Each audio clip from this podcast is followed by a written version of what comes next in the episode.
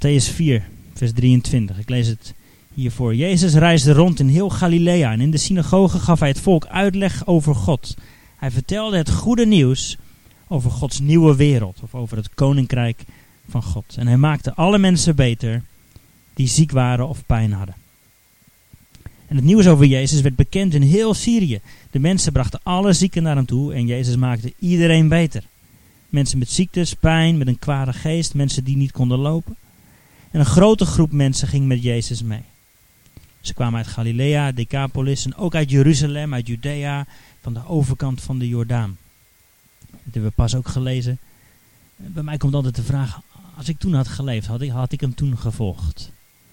Het ging wel dwars in tegen alles wat die cultuur kende en omarmde en voor waar en belangrijk hield. En uh, had ik hem toen gevolgd? Zelfde vraag nu. Volg ik hem dan nu? Want nu, ook nu gaat hij nog steeds dwars tegen culturen in. Tegen de geldende norm. Had ik ook Jezus gevolgd? Had ik ook mijn boot achtergelaten? Daar hebben we pas over gehad. We gaan nu lezen. Hier staat de toespraak van Jezus op de berg, of de, de bergreden. Toen Jezus al die mensen zag, ging hij een berg op. En daar ging hij zitten. Zijn leerlingen kwamen bij hem. En Jezus begon zijn leerlingen uitleg te geven over die nieuwe wereld, over het koninkrijk van God. Hij zei: Het echte geluk is voor mensen die weten dat ze God nodig hebben. Want voor hen is Gods nieuwe wereld. Het echte geluk is voor mensen die verdriet hebben. Want God zal hen troosten. Het echte geluk is voor mensen die vriendelijk zijn. Want aan hen zal God de aarde geven. Het echte geluk is voor mensen die doen wat God wil. En die dat het allerbelangrijkste vinden, want God zal hun moeite belonen. Het echte geluk is voor mensen die goed zijn voor anderen. Want God zal goed zijn voor hen. Het echte geluk is voor mensen die eerlijk zijn, want zij zullen God zien. Het echte geluk is voor mensen die vrede sluiten, want zij zullen kinderen van God genoemd worden. Het echte geluk is voor mensen die lijden omdat ze doen wat God wil, want voor hen is Gods nieuwe wereld. Echte geluk is voor jullie. Jullie zullen het moeilijk hebben omdat je bij mij hoort. Misschien schelden de mensen je wel uit of willen ze je gevangen nemen. Misschien vertellen ze wel leugens over je. Als dat gebeurt, wees dan blij en vrolijk. Want je krijgt een grote beloning in de hemel. En de profeten van vroeger werden net zo slecht behandeld als jullie nu. Eventjes tot hier. Het begin van de bergreden. De zaligsprekingen noemen we het ook wel. Hier staat nu het echte geluk is voor je. In andere vertalingen staat je bent zalig, je bent gezegend, je bent blij, gelukkig. Een paar dingen die me zo opvallen als we, als we dit gaan lezen. En we gaan door al die dingetjes wel heen. Even kijken tot hoever we vandaag komen. Het eerste wat opvalt is dat het eigenlijk heel positief verwoord is. Het beeld van heel veel mensen, en misschien van onszelf ook nog steeds, is dat God vol zit met: gij zult niet. Als je bij mij wil horen, dan mag je dit niet, je mag dat niet, dit is slecht, stop daarmee. We kennen de tien geboden van vroeger ook nog die Jezus kwam om te vervullen. En uiteindelijk wordt het dus heel positief verwoord. Heel mooi. Als we dat gaan snappen, dat Gods insteek is, het is positief verwoord. Het is bedoeld om je inderdaad dat geluk te geven. Gods wet, heb ik opgeschreven, kun je niet breken.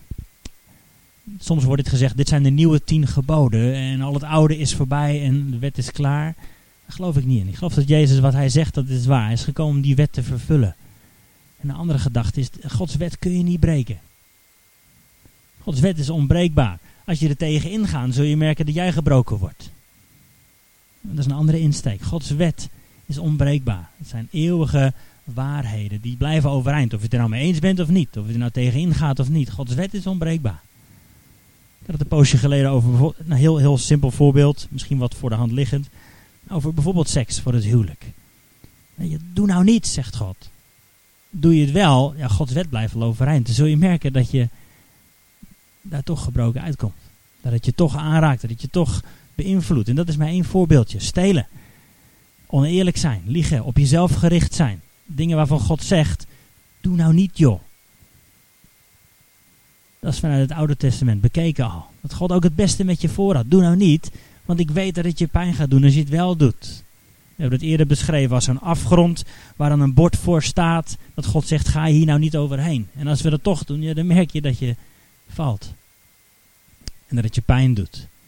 Maar Gods hart voor jou is altijd positieve woorden. Het is daar om je te beschermen, om je te leiden, om je leven in overvloed te geven. Is positieve woorden. Het hele, de hele zaligsprekingen hier. Maar God zegt, het gaat goed met je als dit.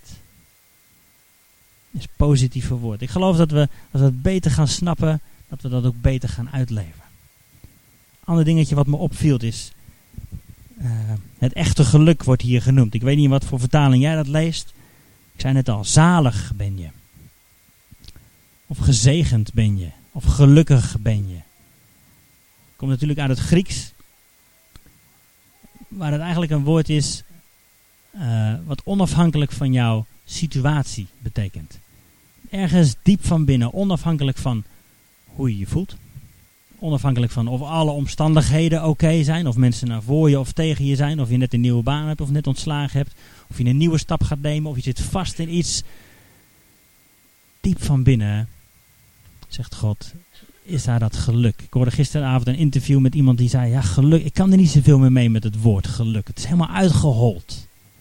Dat herken ik wel. Wanneer ben je nou gelukkig? Als dingen goed gaan? Ja, nou niet per se. Dan gaan dingen goed, maar dat betekent niet dat je ergens diep van binnen dat gevoel, dat die kennis hebt, dat je weet, het is goed. Het is niet makkelijk, maar het is goed. Heel mooi om te bedenken dat dit, waar Jezus mee begint, hij heeft een hele massa mensen bij zich. Misschien wel duizenden mensen die zitten te luisteren, die elk woord willen indrinken. En dat hij hiermee begint. Het echte geluk is voor jou als. Gezegend ben je als. Zalig ben je als. Door alles heen blijkt en spuit en druipt. Dit is Gods plan voor je. Dit wil hij graag. Hij wil dit aan je geven. Hij wil dat je zalig bent. Hij wil dat je gelukkig gezegend bent. Helemaal Gods hart voor jou. Het is geen boze man in de wolken. Hoe vaak denken we dat nog wel niet? Hoe vaak moeten we, lopen we tegen dat beeld aan bij onze vrienden, familie, kennissen. Altijd bijzonder. Vorige week waren er natuurlijk ook heel veel mensen, vrienden van, familie van, die dan bij zo'n doopdienst zijn. En die dan toch proeven van, oh, zo kan het ook. En dan ligt er niet per se aan de vorm die wij gekozen hebben, hoewel het misschien wel helpt. Maar de positieve insteek. Laten zien dat God van je houdt, dat hij voor je is, dat hij bij je wil zijn. God is geen boze man in de wolken. Ik zat zo eens terug te denken aan, aan verhalen die dan voorbij komen waar je niks van snapt. Dat God heel boos lijkt of eng lijkt. Bijvoorbeeld het verhaal dat God tegen Abraham zegt: Offer je enige geboren zoon. Ah, in dat verhaal, kijk het met onze 21ste eeuwse ogen, lijkt God in één keer heel eng en streng en boos. Maar als we gaan snappen dat dit geschreven werd ver voor dat Jezus geboren werd in een gedeelte van de wereld waar het heel normaal was, dat als je iets van de goden wilde, dan moest je jezelf snijden. Dan moest je iets van een offer brengen. Dus dan moest je automutileren, zeg maar. Gewoon sneden maken in je lijf. Als je dat zou doen, dan zouden de goden niet meer boos op je zijn en je misschien wel helpen. heel bijzonder dat God eigenlijk daarop inspreekt. Hij zei, oké, stel me dat zo voor. Als, als dit uh, de goden is die Abraham kent, dan komen we ook op die manier tegemoet. En wat hij dan tegen Abraham zegt, weet je wat, je hoeft je niet meer heel vaak te snijden. Er is maar één besnijdenis. Er is maar één besnijdenis. Op een plek waar je ook maar één keer kunt snijden. En dan is het klaar. Heel mooi dat, dat God eigenlijk dat, dat gebruikt wat Abraham kent. En dan daarmee een stap verder leidt. Ja, ook in die tijd was het heel normaal. Niet alleen om jezelf te snijden. Maar wat heel vaak gebeurde in het Midden-Oosten daar. Als je denkt dat de goden boos op je zijn dan moet je een kind offeren. Die verhalen kennen we, dat gebeurde aan de lopende band. En dit is het bijzondere van het verhaal, dat God dat tegen Abraham zegt, offer je zoon. Dat Abraham hem meeneemt de berg op om God te gaan aanbidden. Dat hij zijn zoon vastbindt. En dat God dan zegt, nee het hoeft niet. Dat is het bijzondere aan het verhaal. Voor Abraham, dat is wat hij kende. Als je goden wilt vereren, dan moet je je zoon offeren.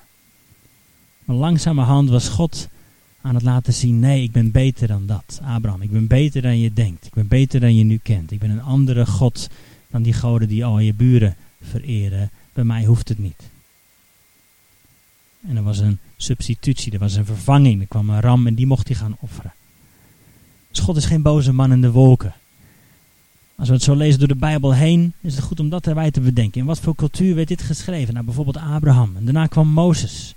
Dat God aanbeden moest worden op een speciale, specifieke manier. Maar dat hij wel steeds dichterbij kwam. Dat Mozes hem van aangezicht tot aangezicht mocht zien. Dat was ondenkbaar. En dat, hij, dat God met ze mee op reis ging. Dat het niet in één keer meer een, God ver in, de, in het heelal ergens was, maar dat God steeds dichterbij kwam. Dat hij meetrok met het volk van Israël. Weet je nog, toen ze uit Egypte kwamen, toen hij ze had verlost. Toen hij ze had bevrijd van slavernij. En dat is wat hij nog steeds wil doen. Maar hij kwam steeds dichterbij. Daarna kwam David. Die echt een liefdesrelatie had met God. Die dat uitzinkt. Uitleeft. Niet alleen maar die stoere krijger was, maar ook een man met passie. Die hield van God. En daarna kwam Jezus steeds dichterbij. Steeds dichterbij. Hij kwam onder ons wonen. God zelf kwam onder ons wonen. Hij was geen boze man in de hemel. kwam onder ons wonen. Wat helemaal bijzonder is, dat op het moment dat Jezus naar de hemel gaat, dat hij zegt, ik stuur de trooster. En dat hij in ons komt wonen.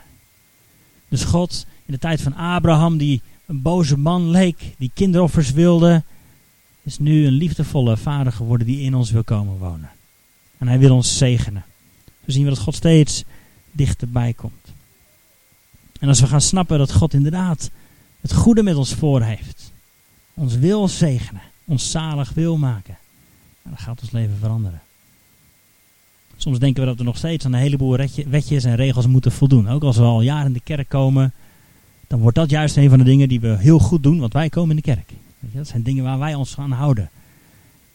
Als we gaan snappen, nee, God heeft het goede met ons voor. Hij wil ons zalig zien. Hij wil ons diep van binnen dat geluk geven. Die vrede geven. Het eerste dingetje dan. Het echte geluk is voor mensen die weten dat ze God nodig hebben. Dat staat in mijn vers 3. In het Engels staat er heel mooi: The poor in spirit. De armen van geest. Zalig zijn de armen van geest, want voor hen is het koninkrijk van God. Ik vind deze vertaling wel mooi eigenlijk van die Bijbel in gewone taal. The poor in spirit. Heel vaak is er over nagedacht, zijn het dan uh, verstandig gehandicapten of zo? Of wie, waar gaat het nu precies om? Ik geloof dat dit heel mooi de kern pakt. Dit zijn mensen arm van zichzelf zijn. Die weten dat ze God nodig hebben. Zo simpel? Ja, zo simpel. Eigenlijk is het zo simpel. Mensen die weten dat ze God nodig hebben. Ik hou, van, ik hou van met mensen samen zijn. Maar het meeste hou ik eigenlijk van mensen die nederig en oprecht zijn. Die weten, alleen kan ik het niet joh. Die hoeven niet meer die goedkeuring van anderen over alle dingen die ze wel zo goed kunnen. Dat haantjesgedrag, dat is er niet meer. En vaak zie je dat bij wat oudere mensen al, die daar al afstand van genomen hebben. Die al een poosje met Jezus hebben gewandeld en die snappen, mijn enige goedkeuring is van boven. En de rest, het zal wel. Ik kan het niet alleen, of jij me nou goedkeurt of niet. Boeien. Mensen die weten dat ze God nodig hebben. Mensen die nederig zijn en oprecht.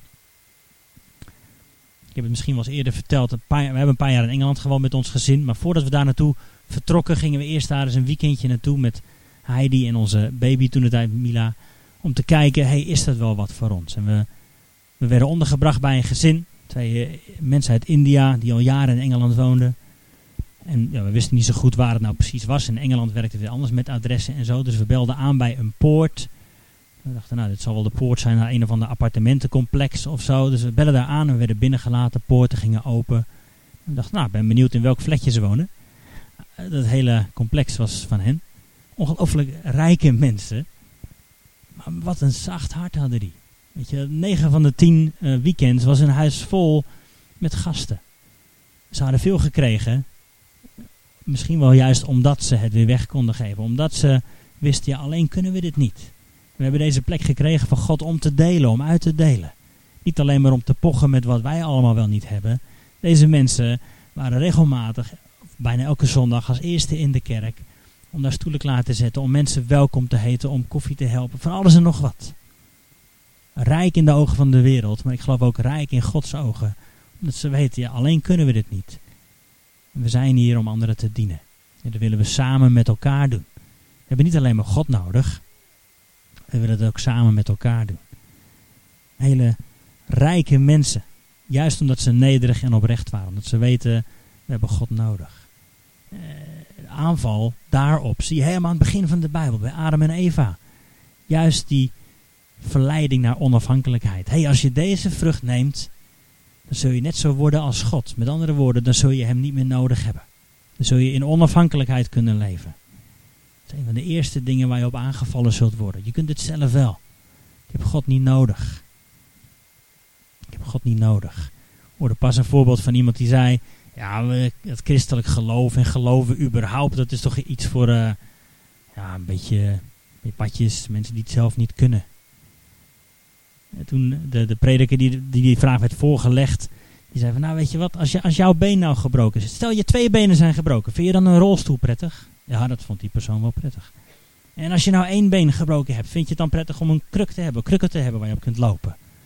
Ja, natuurlijk is dat prettig. Heel mooi wat die, wat die prediker toen zei. Weet je wat, we zijn allemaal gebroken mensen. En ik ben blij dat ik op Jezus kan leunen. Terwijl hij samen met mij wandelt naar die volheid, naar genezing. Allemaal gebroken mensen. Denk dan niet dat je het alleen kan. Dat is de eerste verleiding. Onafhankelijkheid. Pas een stukje te lezen en te kijken op, op YouTube van iemand die eigenlijk wel heel mooi zei. Het tegenovergestelde van verslaving is verbondenheid. Nou, ik heb in een gebroken gezin gewoond waar onder andere alcoholverslaving aan de orde van de dag was. En zonder alleen maar te zeggen dat is slecht en dat is niet goed. Het tegenovergestelde, zei deze man, van verslaving is leven in verbondenheid. Dus niet in je uppie. Niet zelf doen.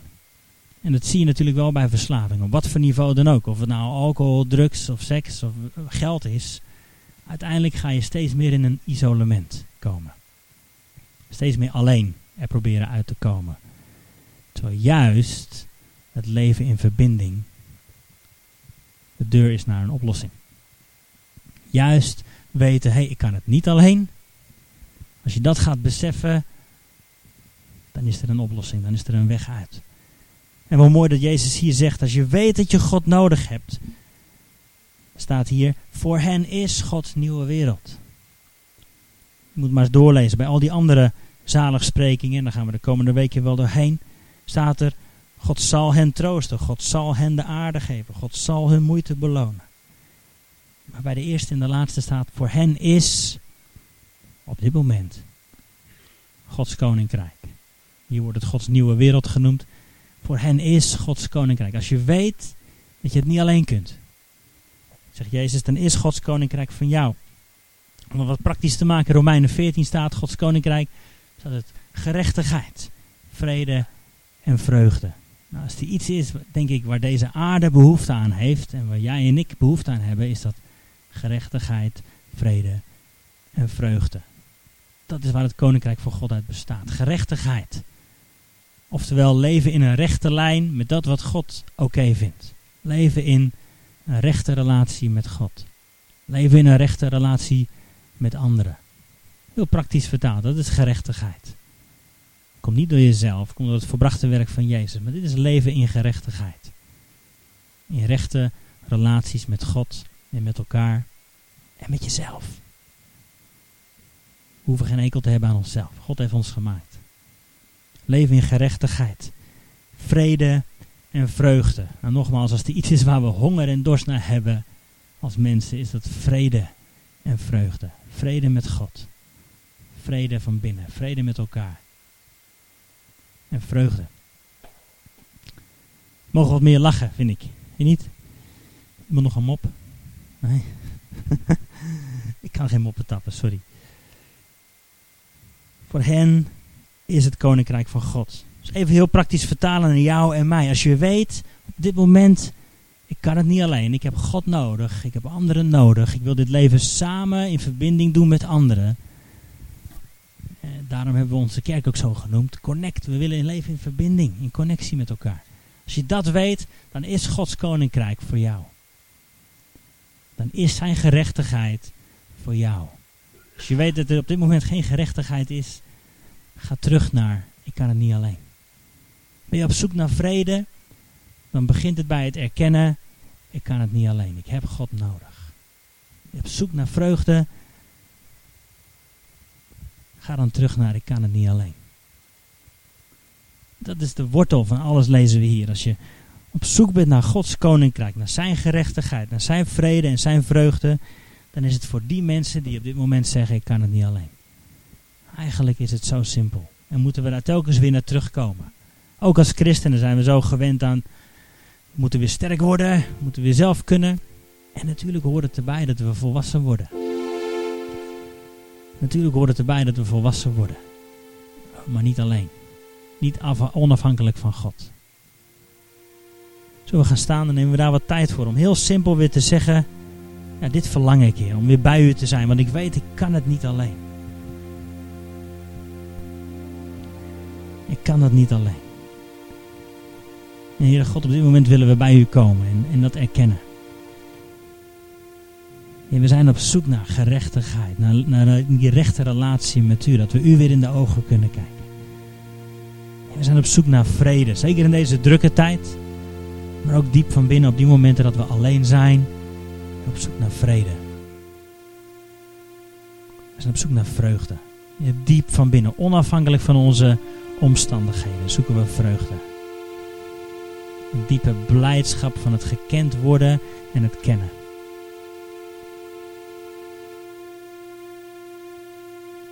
Dank u wel dat u trouw bent, Heer. Heilige Geest wil u uitnodigen op dit moment om ons te omarmen. Net zoals Willemijn dat zo net zei.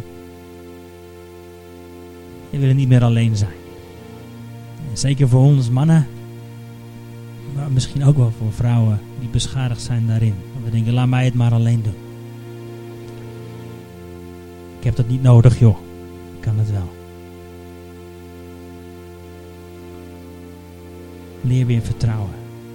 God is betrouwbaar. Ook op momenten dat je denkt, net zoals Abraham, ja, maar dit gaat een stap te ver. God is betrouwbaar.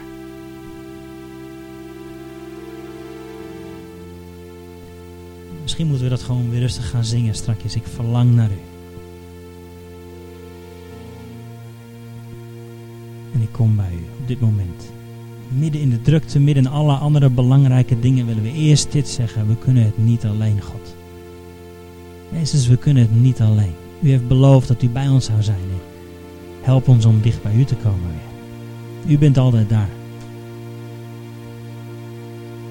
En dan wil ik je mee zegenen als je deze week ingaat. Dat je niet alleen gaat. Dat je niet alleen hoeft te zijn. God altijd bij je wil zijn.